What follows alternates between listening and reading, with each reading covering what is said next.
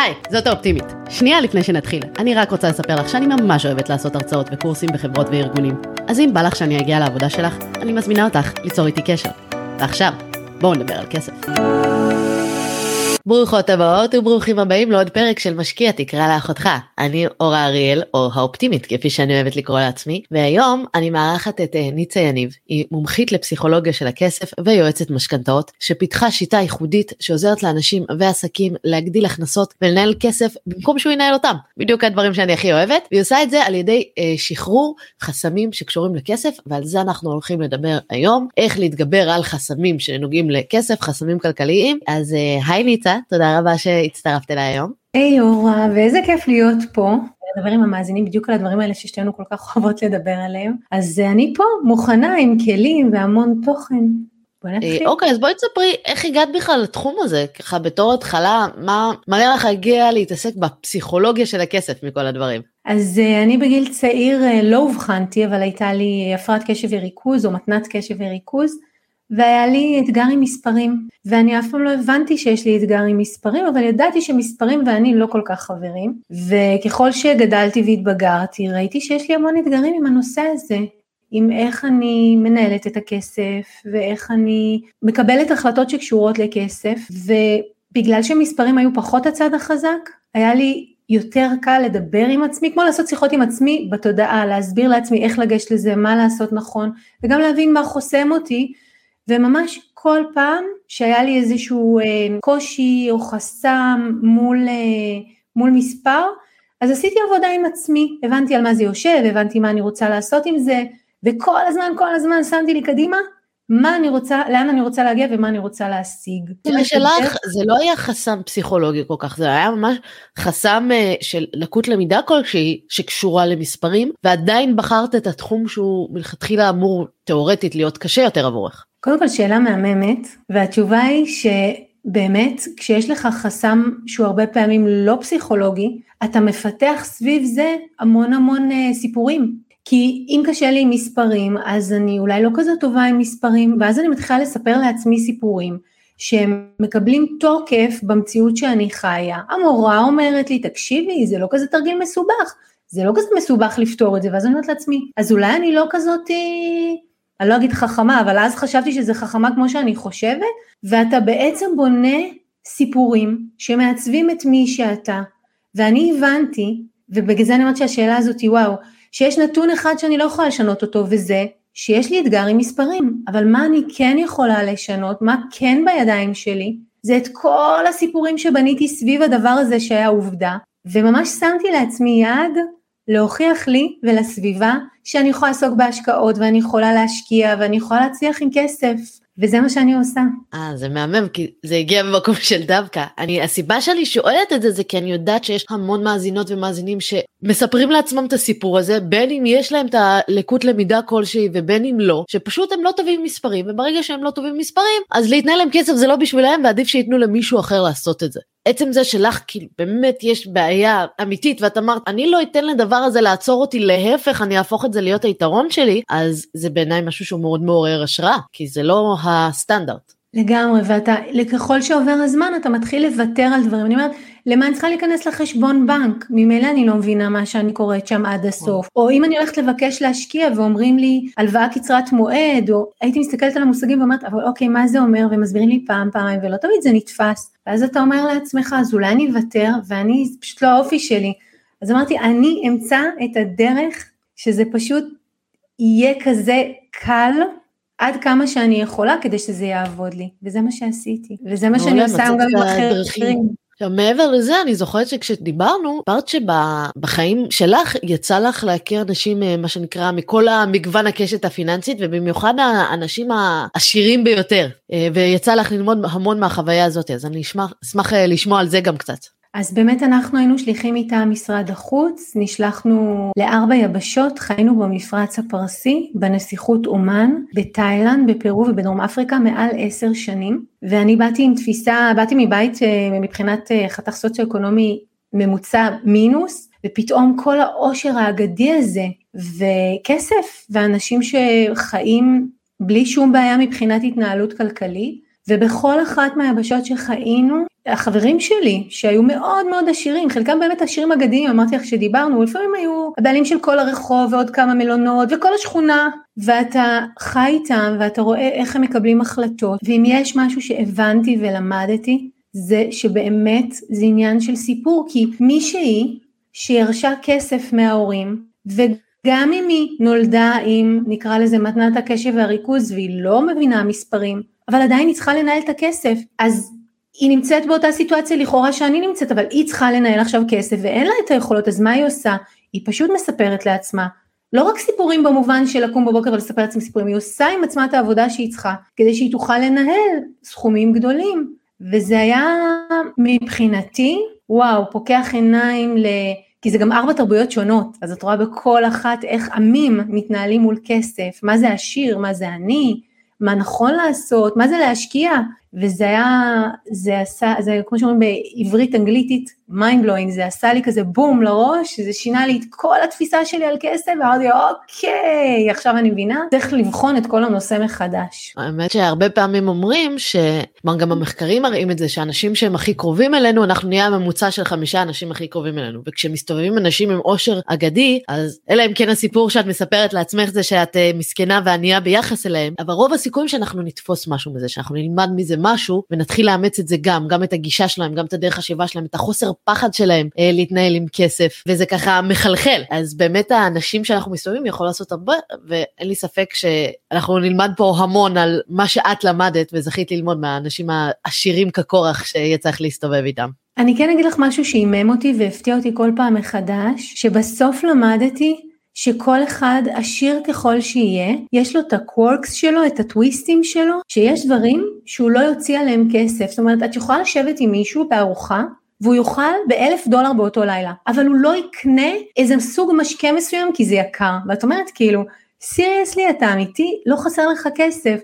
ולאורך הדרך ביבשות השונות את רואה שלכולנו, גם כשיש לנו כסף יש דברים שאנחנו נגיד, זה גם אם זה לא יקר, אני לא מוכן להוציא, להשקיע על זה את הכסף. ודברים אחרים שאת תגידי, בחיים לא הייתי משלמת את זה, אומרים כאילו, אין בכלל מה לחשוב. אז זה היה כזה המון דוגמאות כאלה שעשו לי כזה, וואו, אוקיי, אז צריך להבין את זה וללמוד את זה מזווית אחרת. בהחלט, זה דווקא נושא מעניין, כי אני גם חושבת על הדברים הקטנים שנראים לי מטופשים להוציא עליהם, אבל את החלטת להתעסק באמת בפסיכולוגיה של הכסף ולקחת את הכלים וממש פיתחת איזושהי אה, שיטה ייחודית להתגבר על חסמים אז אני אשמח uh, לשמוע קצת על השיטה הזאתי איך זה עובד ואיך uh, כולנו יכולים להתגבר על החסמים שלנו. אז א' אני באמת אגיד שאנחנו יכולים להתגבר באמת אמיתי אני אני והלקוחות שלי עד היום מעל 7,000 איש שעבדתי איתם זה הוכחה לזה שזה אפשר.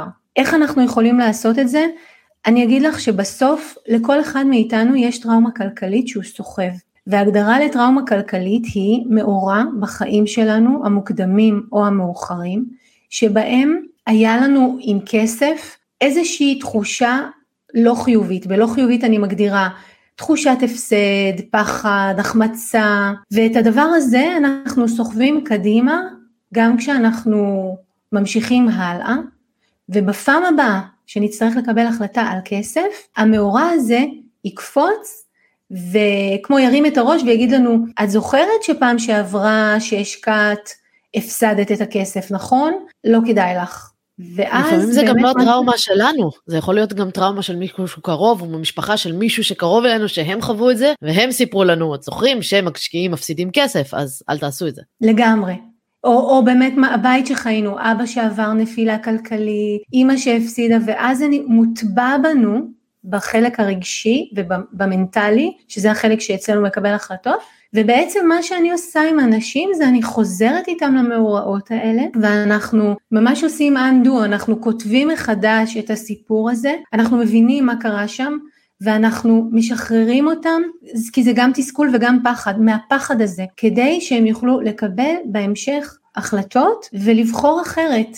כי כל עוד יש לך טראומה ויש לך פוסט טראומה, אז אתה לא תוכל לקבל החלטות באופן חופשי, אתה תהיה מוטה או מפוחד או מנוהל מההיסטוריה. אז באמת את יכולה לתת לנו כמה, כמה כלים, כי טראומה כלכלית זה באמת אחד החסמים הגדולים, קרה איזה משהו, לנו, למשפחה, הפסדנו כסף, אנחנו מפחדים, אז בסוף, זאת אומרת, צריך לשכתב את זה מחדש, אבל איך אני עושה את זה בפועל? כלומר, אני אומרת, אוקיי, נניח וקניתי עכשיו מניה, מניה ירדה, ומאז החלטתי, וואלה, שוק ההון זה חרטה ברטה, לא נכנסת לזה, זה הכל כמו הימורים. איך אני יכולה לכבד את החשיבה שלי מחדש ולהיפטר מהטראומה הכלכלית הזאת. אני כבר עונה על זה, אני רק אגיד משהו, באמת כשאנחנו, את אמרת את זה, זה נכון, זה חיווט, כשאנחנו סופגים הפסד או אובדן, מה שנצרב אצלנו בתודעה זה שזה משהו שהוא מסוכן לנו. זה מה שה mind אומר לנו, אומר לנו תשמעי, זה מסוכן לך, אל תלכי לשם. ואז באמת החיווט מחדש, ועבדתי הרבה עם אנשים שמשקיעים, אני יכולה להגיד לך גם בנדל"ן וגם בשוק ההון, ברגע שאנחנו מבינים את זה, אנחנו צריכים להתחיל קודם כל לחזור לנקודה בזמן שה, שהצריבה הזאת קרתה, אוקיי? שהפגיעה או הטראומה הזאת קרתה, ולברר לעצמנו מה קרה שם. Mm-hmm. כי כשאתה מברר לעצמך מה קרה שם, אני אקח רגע קלאסיקה של כולם, אם רק הייתי קונה בשנות ה-80 את כל הרחוב, כי היום, או, או בניין, דירה כזו או אחרת, היום הייתי במקום אחר. אין מישהו שמסתובב בעולם שאין לו את החוויה הזאת שאם הוא רק היה עושה. אז אני חוזרת לתיק השקעות. אז אני הולכת איתם ואני מבררת איתם מה קרה כשהם בחרו להשקיע. עכשיו אני רגע פותחת את זה, בסדר? לפעמים mm-hmm. הם בחרו להשקיע כי חבר אמר להם שזה מקום מעולה להשקיע בו. ואז אני בעצם עוזרת להם להבין שבעצם זה לא ההפסד, אלא זה הפחד שהם הקשיבו למישהו והם לא סמכו על עצמם והם לא ביררו עוד, ואז אנחנו עושים שם איזושהי כתיבה מחדש של הסיפור, זה אומר, מבינים מה קרה, עושים את הריפוי הרגשי, משחררים את הטראומה שהייתה להם, ואז מתחילים לבנות מחדש. תכף נדבר גם על מה זה לבנות מחדש, אבל זה ברור מה שאני מסבירה כאן? את מבינה איך זה עובד? אני אישית מבינה, אני חושבת שאולי לטובת המאזינים צריך לדייק קצת יותר, כי בסוף אני כן מגיעה עם המון רקע של אה, פסיכולוגיה והכל. אז מה שאת בעצם אומרת זה אם יש לנו איזושהי טראומה כלכלית, לחזור אחורה לאותו רגע ולהסתכל על זה מנקודת מבט מפוקחת יותר. ולבוא ולהגיד, אוקיי, נניח ואמרו לי ללכת ולקנות נדל"ן בארץ, זה אני נגיד יכולה להגיד על עצמי, אמרו לי כל הזמן, הסתובבתי עם נדל"ניסטים, אמרו לי ללכת לקנות נדל"ן בארץ, ואני התעקשתי שזה יקר מדי, וקניתי בחו"ל. השקעות בחו"ל גם הצליחו סך הכל, כן, אבל באמת היום אני אומרת וואלה חבל שלא עשיתי את זה. ולא קניתי נדל"ן בארץ שהוא היה כל כך אה, יותר זול. זאת אומרת לחזור אחורה ולהגיד הייתי צריכה להקשיב לעצמי יותר ולסמוך על עצמי או ממש הייתי ממש שואלת אותך מה היה שם? שתספרי לי במילים שלך מה קרה שם? איך זה התגלגל? איך בסוף הגעת ועשית את הרכישות שעשית? וגם הייתי עוצרת רגע לברר איתך, כשאת אמרת אני לא קונה בארץ זה יקר מדי, מה היה הפחד או מה הייתה השיחה הפנימית שניהלה את זה, אני אסביר. למשל, אולי אמרת לעצמך, אם אני אעשה את ההתחייבות הזאת אני לא אוכל לעמוד. אולי אמרת לעצמך, עכשיו אני לא מתאים לי להתחייב ל-30 שנה. אולי אמרת לעצמך, לא יודעת אם אני אמשיך לחיות בארץ, אולי שווה לי מראש לקנות בחו"ל. הייתי ממש מבררת איתך בנקודת הזמן אז, כמו שאמרת, בפרספקטיבה, מה היה השיח סלש סיפור הפנימי שהיו לך, שהביאו אותך לבחור בלא. ואחרי שהיינו מבררות את זה, אז קודם כל הייתי בודקת איתך אם עדיין יש לך את השיח והסיפור הזה בפנים. כי אם כן אז צריך אה, לטפל בזה. אני זוכרת אה, זה אנחנו הופכות את זה לסשן טיפולי זה לא מה שהתכוונתי אבל לא, זה לא מה שהתכוונתי. כצורך הדוגמה זה דווקא נורא אוקיי. זה כן יכול להיות מאוד מעניין. אני יודעת שהשיח שאמרתי לעצמי אז וככה גם היום זה אני רוצה תזרים אני רוצה שההשקעה תהיה לי רווחית מ-day one. הון העצמי שאני צריכה, אה, שיש לי היום, אני יכולה לקנות איתו דירה שלמה, או אני יכולה אה, לקחת, אה, לקנות איתו משכנתה ולהתחייב, וזה המשכנתה בקושי תכסה את השכירות במקרה הטוב. אז ככה יהיה לי תזרים שאני אוכל להשקיע איתו יותר, ואם הייתי קונה בארץ אז לא היה לי את זה. אז זה היה השיח הפנימי שהיה, שוב, בהסתכלות באחור, במבט מפוקח שאני רואה מה קרה לשווקים, אני יכולה להבין שזה לא בדיוק מה שקרה, אבל זה לא, זה מה שנקרא חוכמה בדיעבד, זה לא חוכמה. את בעצם אומרת לי, ניצה, אני העדפתי לקבל בכאן ועכשיו מאשר באחר כך. אני מבינה נכון? יופי. כן. ואז הייתי שואלת אותך, האם היום, ואת לא צריכה לענות, כן זה, אבל כמו שאמרת, נכנסנו לזה, אז אני פתחת הדלת, אני נכנסת, האם היום עדיין כשאת הולכת לקבל החלטות כלכליות, מה שמנהל את קבלת ההחלטה היא האם אני אקבל בכאן ועכשיו, או שכבר שחררת את הפחד הזה ואת תהיי מוכנה שהכסף או התזרים, מה שקראת לו, יגיע אחר כך. כי אם עדיין מה שמנהל היום בקבלת ההחלטות שלך זה אני רוצה בכאן ועכשיו, על חשבון האחר כך, אז עדיין צריך לעשות שם עבודה. אבל אם מה שמנהל את השיח הפנימי שלך זה אוקיי, אה, אני יכולה לקבל את זה כאן ועכשיו, אבל אני גם יכולה לקבל אחר כך, מה שמנהל אותי זה לא מתי התזרים או הכסף נכנס, אלא איזה השקעה תהיה לי יותר כדאית בטווח הרחוק, אוקיי? ואז אחרי שהיינו מבררות את זה, ואם בא לך לענות אני אשמח, אפשר היה להמשיך משם. תראי, כשאני התחלתי את התהליך וזה, כלומר מה שעניין אותי אז, זה להגיע למקום שאני נמצאת היום, שיש לי הכנסות פסיביות, שיש לי את התזרים. לכן זה באמת מה שניהל אותי וזה מה שרציתי. כן עשיתי השקעות שהן היו יותר בשוק ההון, או השקעות בקרנות נדל"ן וכאלה, בסכומים אולי יותר נמוכים, אבל ש... אמורות היו להניב אה, תשואות יותר גבוהות אחר כך. באמת חלקם עשו את זה והם הניבו תשואות גבוהות יותר אחרי זה. אני לא חושבת שזה היה פחד מלהשקיע בנדל"ן בארץ, כלומר זה לא הגיע מאיזושהי טראומה כלכלית, זה פשוט היה מניתוח של עסקאות ובאותו זמן ואותה נקודת אה, ידע שהייתה לי, זה מה שהיה נראה לי נכון יותר כדי להגיע למטרות שלי. אני לא יודעת כמה זה דוגמה שהיא באמת נכונה כי לא התנהלתי מאיזושהי טראומה אבל כן העלית פה איזושהי נקודה של אה, להסתכל על ה... אה, שבאמת היית, הייתה הנטייה שלי באותו זמן הרבה יותר להסתכל על מה אני עושה כרגע ולא על מה יכול להיות לי בעתיד מתוך ההשקעה הזאת למרות שעשיתי את ההשקעה הזאת בשביל העתיד כן כי יכולתי לבזבז. את הכסף הזה ולא להשקיע אותו.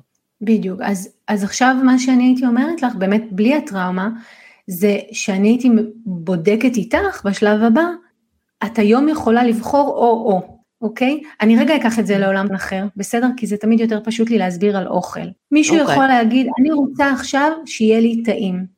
אבל אז יכול להיות שלא יהיה לי את הגוף שאני רוצה, ואני לא אוכל ללבוש את הבגד ים בקיץ. אני המון משווה בין אוכל לכסף, ממש מלא. גם אני. ויש מישהו שיגיד, תקשיבי, אני מוכנה לחכות עכשיו, ואני גם יודעת שאני לא אוכל לאכול את מה שבא לי וזה דורש ממני מאמץ, אבל בקיץ אני רוצה להיראות כמו שאני רוצה. ואז כשהייתי עושה את העבודה עם אותו אדם, אז הייתי אומרת לו, אני רוצה היום לראות שכשאתה הולך לבחור אם בא לך לאכול את ה... אה, לא יודעת, הסניקרס או לראות טוב בקיץ, שאתה יכול לבחור בזה או בזה, ואתה חופשי מההטייה לאחד מהכיוונים, כדי שבאמת בפעם הבאה שתבוא לקבל החלטה מה אתה אוכל, תבוא, נקרא לזה clean slate, שולחן נקי, ואתה תוכל באמת לבחור בצורה אובייקטיבית מה ההחלטה הנכונה. אז אותו דבר עם הכסף, הייתי אומרת לו אוקיי, אז ראינו שככה זה היה בעבר, עם טראומה או בלי, ואנחנו מבינים שזה איזה סיפור שניהל אותך, יכול להיות שהיום כבר לא, אבל בוא נבחן את זה. ואז ברגע שאנחנו מוודאים שזה פנוי, בפעם הבאה שהוא יקבל החלטה כלכלית, הוא באמת יוכל לבחון מבחינה אובייקטיבית עם טווח קצר, או טווח ארוך. זה ספציפית לדוגמה שהבאת, אבל זה יכול לעבוד עם כל דוגמה אחרת. הבנתי, אז מצאנו באמת מה הדבר שמפריע לאנשים, מצאנו כן. מה שבאמת אה, גרם להם להתנהג בצורה כזאת או אחרת. אבל אז איך אומרים אוקיי זה הייתה האמונה שלי ולא תמיד קל לשחרר אמונות ולשכתב אותם אז איך עושים את התהליך הזה? אז התהליך הזה הוא באמת אה, תהליך שקודם כל אני צריך להבין מה ניהל אותי לשים על זה, אני קוראת לזה לנעוץ את זה, כי אתה צריך להבין מה הסיפור שהיה לך שגרם לך לקבל החלטה כזו או אחרת. אחרי שהבנת את זה, אתה עכשיו עושה ריפוי רגשי. ריפוי רגשי אמרנו זה לחזור לסיטואציה, לדבר עליה, אם צריך לכאוב, לשחרר, לפעמים אנחנו צריכים לסלוח למישהו. אני אגיד לך את האמת, שרוב הפעמים זה לסלוח לעצמנו. שאולי הייתי צריכה לעשות ככה, ואולי הייתי צריכה, מלא מלא שיחות כאלה יש לנו. אז אנחנו עושים שם ממש uh, תהליך סליחה. רגשי במטרה לשחרר את זה, ואז מגיע בעצם, מגיעים הבאים שזה הידע הנוסף שאני צריכה, ולעשות, לתת לי את הבוסט לצמיחה לשלב הבא שלי. כי אוקיי, שחררתי את מה שקרה, ועכשיו אני יודעת לאן אני רוצה לצעוד, אז מה אני עושה? גם איזה כלים, וגם איך אני, איך אני נותנת לעצמי בוסט בשביל לעשות את זה. אם אני חוזרת רגע לתיק השקעות, אז אם, אם מישהו השקיע והפסיד הרבה כסף, וואי, אני יכולה להגיד לך עכשיו שאנשים דיברו איתי על מה שקרה השנה, 70 אלף שקל, 200 אלף, כאילו סכומים, אז אמרו לי ניצה, איך אני ממשיך עכשיו אה, להשקיע? אז באמת זה לעבור את כל השלבים האלה, ורק כשעוברים את השלבים האלה, אתה באמת יכול שוב לשקול אופציה של להשקיע ממקום אחר, אחרת אתה בחרדה. בסוף אה, כסף זה המון המון פסיכולוגיה, הוא כולו פסיכולוגיה, ואז אנחנו מדברים על זה שיש לנו את הטראומה הכלכלית, שהבנו מאיפה היא נוצרה, והתחלנו לספר לעצמנו סיפור אחר. כדי שנוכל אה, לבוא ולהתייחס לזה בצורה אחרת, וזה הכל בסוף איזושהי אה, נקודת מבט. בדיוק שמעתי מקודם איזשהו פרק של טוני רובינס שהוא מספר על זה שהם חיו במשפחה שהיא מאוד מאוד ענייה ויום אחד הביאו להם מצרכים ואוכל ל-thanks giving לחג ההודיה. ואבא שלו כעס וצעק ואמר מה פתאום? אני לא לוקח צדקה.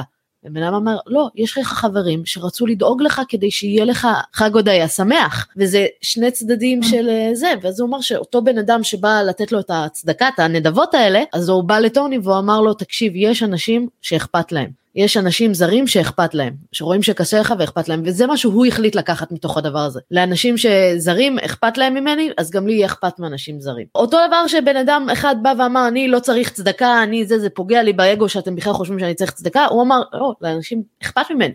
לקח את זה למקום טוב. אז בסוף זה אותה סיטואציה, איזה סיפור סיפרנו לעצמנו לגבי הסיטואציה הזאת, זה מה שיעזור לנו גם להתגבר על הטראומה הכלכלית הזאת. ואני יכולה להגיד לך שאבא שלי, תמיד כשהיה איזה אובדן, כסף, אה, השקעתי במשהו ולא צלח, הוא היה אומר לי, טוב, אז זה היה השכר לימוד שלך, ועכשיו שיש לך את השכר לימוד, אה, ואת כבר אה, במקום אחר, אז תשאלי את עצמך איך את ממשיכה הלאה. ובתור ילדה לא הבנתי כמה זה חזק המשפט הזה, במקום להגיד לי מה ואיך נכשל, וממש זה מה שהוא אומר לי, אז שילמת שכר לימוד, מה לעשות? לפעם הבאה תצטרכי יותר, את יודעת, לבדוק, לברר, וזה באמת איך אתה מסתכל על הסיטואציה, ממש. אה, אז אה, לספר לעצמנו את הסיפור החדש ואז להיכנס לדברים בלי הטראומה הכלכלית. אז זה באמת חסם אחד. אנחנו דיברנו מקודם על כל מיני סוגים של חסמים. חסם אחר שאולי הכי קריטי לאנשים זה הפחד להפסיד כסף. Okay? אוקיי? גם מחקרים באים ומראים שהפחד להפסיד כסף, הכאב שאנחנו מרגישים כשאנחנו מפסידים כסף הוא הרבה הרבה יותר חזק מהעונג שאנחנו מקבלים כשאנחנו מרוויחים כסף. נכון. אז נכון. איך מתגברים על החסם הזה? כי זה חסם עצום. נכון, זה חסם, אני קוראת לו החסם של אובדן, וכולנו מפחדים מאובדן. אנחנו מעדיפים שלא יהיה לנו, מאשר שיהיה לנו ולא נאבד. כן. איך, ש... איך מתגברים עליו? אז אני רוצה לתת כמה כלים. אחד זה באמת להתייעץ עם אנשים שעשו את זה והצליח להם. אחד הדברים שאני רואה שזה טעות שאנשים עושים, זה שהם הולכים להתייעץ עם אנשים שעשו את מה שהם עשו, אבל זה לא, זה לא הצליח.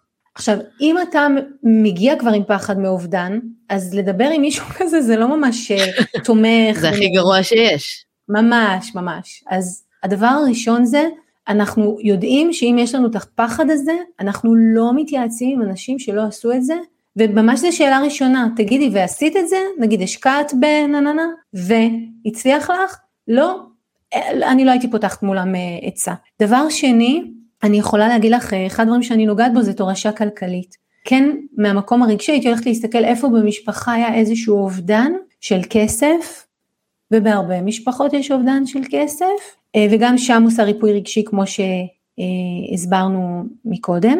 דבר השלישי שאת מדברת עליו והוא מאוד חזק בעיניי, אני קוראת לו לעמוד על הפודיום של המנצחים, ששאול מעולמות הספורט. זה באמת לעבוד עם ויזואליזציה, עם ממש להשתמש בכוח המחשבה ולראות אותי במקומות שקשה לי, אה, יכולה לעשות את זה ולהצליח. אבל זה לא נשאר ברמת, אה, טוב, תחשוב חיובי ויהיה חיובי. לעשות את כל הפעולות, את צוחקת, אבל זה נכון, כולם אומרים, טוב, תחשבי טוב, יהיה טוב. צריך להתגבר על המחסומים שיש אצלנו, זה לא רק לחשוב טוב, כי אם אנחנו לא מאמינים בסופו של דבר שמגיע לנו טוב, אז לחשוב טוב לא יעזור, אנחנו אוטומטית נגיד, אוקיי, מגיע לי להיות אה, עשירה, או אני רוצה להיות עשירה, ואוטומטית אני אומרת לעצמי, וואלה, לא מגיע לי, או אנשים עשירים הם אנשים רעים, ואני בן אדם טוב, או דבר כזה, זה, זה למה מחש... רק לחשוב חיובי לא עובד, אם לא מטפלים בכל החסמים וההתנגדויות שיש מאחורי זה. ואני אגיד לך משהו שהוא פחות מקובל מהעולמות תוכן שאני מגיעה מהם, לפעמים זה לא כזה נורא לא לחשוב רק חיובי, כי זה שם אותך במקום שבשביל לגדר את עצמך, ובשביל לוודא שיש לך את כל הכלים והידע, אז אתה אומר, אוקיי, אני מעדיפה להיות פחות אופטימית ויותר עם ידע בר קיימא ושיהיה לי את הכלים, ואז להגיד, אוקיי, אני צריכה גם לשקול לא רק את התוצאות החיוביות שיכולות להיות, עכשיו מה אני עושה כדי להתגבר על הפחד הזה. ופה נכנס mm. הנושא של ידע, שזה את מביאה כל כך יפה. אז מבחינתך הדרך להתגבר על הפחד להפסיד כסף זה לצבור איזשהו דבר ראשון באמת לא להתייעץ עם אנשים שכל מה שהם עשו זה להפסיד כסף כי זה בטח לא יעזור לנו אה, אבל כן אה, לצבור אה, ידע ולהחכים את עצמנו בדבר הזה. זה גם לצבור ידע גם כל הזמן להיות בשיחה רגשית אני קוראת לתקופות האלה תקופות אינקובציה שאתה יודע שאתה הולך להחלטה כלכלית שחשובה לך אתה, התפקיד שלך, אני, התפקיד שלי, זה לתת לי בוסט, לשמוע תכנים, אה, לעשות עם עצמי עבודה, אה, לשרטט לי כן בוויזואליזציה איזשהו תרחיש שכן הדברים קורים כמו שצריך, בלי קשר לזה שאני צריכה לעשות את הפעולות הנכונות, ללכת לחפש את הידע מהאנשים המהימנים שעשו את זה, נכון. כי זה גם מאוד מאוד חשוב, ואז משם אני יכולה ללכת לדבר החדש הזה. נכון, לנצח פחד, להילחם באש עם אש. כלומר, משהו שאני כאילו מאוד אוהבת זה לשאול את האנשים, רגע, אבל מה יקרה אם לא תעשו את זה? מה יקרה אם לא תשקיעו? איך החיים יראו אז? ואז הם פתאום מתחילים לדמם את זה שנכנסים לחובות, ובפנסיה אין להם מספיק כסף, והכסף שלהם נשחק על ידי עליית ביוקר המחיה, וכל הדברים האלה, רגע, אז אם אתם לא עושים שום דבר, אתם בוודאות מפסידים. אבל אם אתם תתחילו להשקיע ותתגברו על הפחד הזה, אז יש סיכוי שתפסידו, אבל יש גם סיכוי שתרוויחו. אז האם עדיף להיות לנו במצב שבוודאות נפסיד, או במצב שבו יש לנו גם סיכוי להרוויח? אז אה, זה ככה לנצח פחד על ידי פחד אחר. ממש, ואני יכולה להגיד לך שהקלאסיקה מלקוחות שאני שומעת זה, רק המחשבה שאני לא אעשה את זה, ואני אוכל לעצמי אחר כך את הראש על זה שהתחרטתי ולא עשיתי את זה, אני הולכת לעשות מה שצריך כדי להתמודד עם זה. וזה באמת נכון, אתה אחר כך טוחן את עצמך למה לא ולמה לא, והנה כבר כולם עשו, וכולם התקדמו, ורק אני, ולא ולא ולא. אז זה ממש משהו שהוא חזק, להבריח את הפחד עם פחד אחר. כן, זה, זה, זה כלי מאוד אה, חזק, כי בסוף אפשר להשת... לפחד ממנו, אפשר זה או פשוט לרתום אותו לטובתנו, את הפחד, ושיוביל אותנו למקומות הנכונים, כי בסוף פחד זה מניע מאוד מאוד חזק, אז אפשר להשתמש מאוד. בו, יכוון, רק צריך לכוון אותו לכיוון שמתאים לנו. ואת העלית עוד נקודה, שזה באמת על, אה, שזה גם אחד החסמים של אנשים, כי אומרים, וואלה, סבבה, שכנעתם אותי, התגברתי על הטראומה הכלכלית, אני מוכנה להתגבר על הפחדים, אני מבינה שהדרך שלי לעשות את זה, זה באמת לצבור ידע וללמוד, אבל אין לי שמץ של מושג על מי לסמוך. כלומר, יש המון שרלטנים, המון אנשים, אנשים אומרים את זה גם עליי, כלומר, היא באה והיא טוענת שהיא מבינה בכסף, ואז היא מוכרת לי קורסים שמלמדים. אז היא לא עשתה את הכסף שלה מההשקעות, היא עשתה את הכסף שלה מקורסים או מלמד. זה ככה טענה שחוזרת כל הזמן. אם יש לכם כל כך הרבה כסף ואתם מבינים, אז למה אתם אה, מבזבזים את הזמן ללמד אותנו? אני אומרת להם שאני בת 35 היום, לשבת לשחק בינגו, לראות נטפליקס כל היום, זה משעמם אותי. Uh, ניסיתי להיות אה, עקרת בית ולשבת בית עם התינוק כל היום, וואלה, זה טמטם לי את השכל. אני אוהבת את הילדים שלי, אבל אני צריכה גם משהו נוסף, אני לא יכולה זה, ומבחינתי זה כן, זה השליחות שלי, לבוא ולעזור ולהנגיש את הידע ולתרום לאנשים, במיוחד לנשים, ואני ממש רואה שזה מה שאני אוהבת לעשות זה מה שממלא אותי וזה שכל דקה שיש פנויה לי אה, שיש לי פנויה אני הולכת ומנסה לראות איך אני מנגישה את התחום או לומדת יותר על התחום הזה. אז זה כי זה באמת מה שאני אוהבת לעשות. אנשים יכולים לקבל את זה אנשים יכולים שלא הכל בסדר. אבל בסוף השאלה ש... החסם שיש לאנשים שהייתי רוצה לעזור להם להתגבר עליו זה באמת גם אם אתם לא בוחרים ללמוד אצלי הכל טוב כן אבל תלכו תלמדו את זה איפשהו ואני יודעת שהרבה אנשים נתקעים בשאלה על מי אפשר לסמוך או החליטו שכן צריך להשקיע אבל אוקיי באיזה חברה באיזה דרך זה החלטתי שאני רוצה נדל"ן בחול אבל לא שאני רוצה נדל"ן בארץ איך אני יכולה לוודא שלא דופקים אותי שאני לומדת מהאנשים הנכונים איך אפשר להתגבר על הפחד הזה. אז אה, על הפחד הזה. מה מה? כי הוא גדול. אני אומרת הוא חסם גדול. אז על הפחד הזה אני רוצה לתת אה, כמה כלים שהם פרקטיים נטו, כי אני מרגישה שבגלל שבסוף הפעולה היא פרקטית, לבחור או לא לבחור באדם כזה או אחר, פה עם כל הכבוד לתודעה צריכים לבוא כלים פרקטיים ואני רוצה באמת לגעת בכמה דברים שהם שגיאות, טעויות שאני רואה שאנשים עושים. אז הדבר הראשון, אני רואה שאנשים כשהם פונים למישהו להתעניין, לא, לא טורחים, לא נעים להם לבקש לדבר עם אנשים שלמדו אצלו. כל מי שלמדת או כל חברה שהשקעת בה, תמיד יהיו אנשים שיהיו מוכנים לספר. עכשיו אני אגיד לך גם מה אומרים לי, אומרים לי, טוב, אוקיי, ומי את חושבת שהם יפנו אותי אליו? מי שהצליח אצלו, אז איך אני יכולה באמת אה, נכון. ללמוד מזה? אז יש פה כמה שאלות שאפשר לשאול, שהן בעיניי מאוד חשובות, שנותנות לך נותנות לך אדמה, אני קוראת לזה, לעמוד עליה. שאלה הראשונה שהייתי שואלת, מישהו, לצורך העניין חברה או מנטור שהפנו אותי, ונתן לי כן, הפנה אותי לדבר עם אחד הלקוחות או לקרוא המלצות, זה, האם היה לך תקופה שזה לא עבד לך, איך אותו מנטור או איך אותה חברה התנהגה. הם ראו אותך, הם היו קשובים, יכולת לפנות אליהם ולהגיד, תקשיבי, אני עושה מהצד שלי את מה שצריך, אבל זה לא עובד לי. האם הייתה שם הקשבה, האם ראו אותך? אז זה דבר ראשון שבעיניי הוא מאוד מאוד חשוב לעשות. את רוצה שנגיד אני אחד ואת אחד? כי גם לך יש את הכלים שלך. אני תמיד אומרת, תלכו לאנשים שהשיגו את התוצאות שאתם רוצים. כלומר, שהם השיגו, שאתם אומרים, אוקיי, אני רוצה לקנות אה, אה, דירה בחו"ל, אז תלכו לאנשים, אבל שלא קנו דירה אחת בחו"ל, שקנו הרבה דירות, שיש להם את הניסיון ואת הידע באמת ללמד, והם הצליחו להשיג בסוף את מה שאתם הייתם רוצים, שהם היום יכולים ללכת לטייל בעולם אה, בזכות ההשקעות נדל"ן בחו"ל שהם עשו, או שנפלו כמה פעמים בדרך, ולמדו מהטעויות האלה, כי אז אתם תשלמו להם כדי לקבל את הידע מהטעויות האלה. שאתם לא תצטרכו לעשות את הטעויות האלה בעצמכם, כי הטעויות האלה מאוד מאוד יקרות יכולות להיות. כי כשאתם משלמים להם, אתם מקצרים זמן, והם נותנים לך. בקפסולה מרוכזת את כל הידע שהם צברו מהנפילות ומהניסיונות, לגמרי. לגמרי. אז זה באמת דבר שני שהוא מאוד חשוב. דבר נוסף שאני רואה שהוא מאוד חזק, זה שאנשים שעושים או מובילים דרך, במיוחד אם הם טובים, אני ארצה להמשיך איתם, ואני כן אלך לברר אם הם ממשיכים ולומדים ומתפתחים.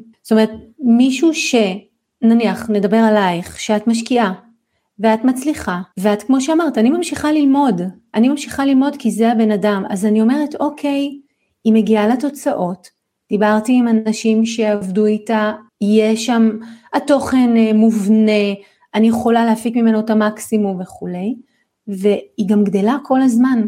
אז אני יכולה להיכנס, ואני יודעת שיש לה גם מגוון פתרונות, וגם להמשיך איתה הלאה, כי בסוף, כשאנחנו מוצאים מישהו שטוב לנו, בא לנו להמשיך איתו. הוא יכול להיות רק ל... את יודעת, אומרים, there's a reason and there's a season, לפעמים זה רק לעונה, וזה בסדר, אבל uh, זה אחד הדברים שאני מסתכלת, ואני גם יודעת שמישהו שהוא לומד ומתמקצע ועובד עם עצמו, uh, יוכל לתת לי איזשהו סל יותר, אה, יותר משמעותי. אני רגע אדבר שוב מהדוגמה שלך. אצלך זה לא רק מספרים, את גם בן אדם של תודעה. את המון אומרת, זה הגיוני, זה לא הגיוני, יש שם המון לוגיקה. אז אני אומרת, אוקיי, כשאני הולכת להשקיע כסף, זה לא רק שיגידו לי איפה לשים במקום הנכון, זה הבנה שברגע שאני נוגעת בכסף יצופו לי חסמים.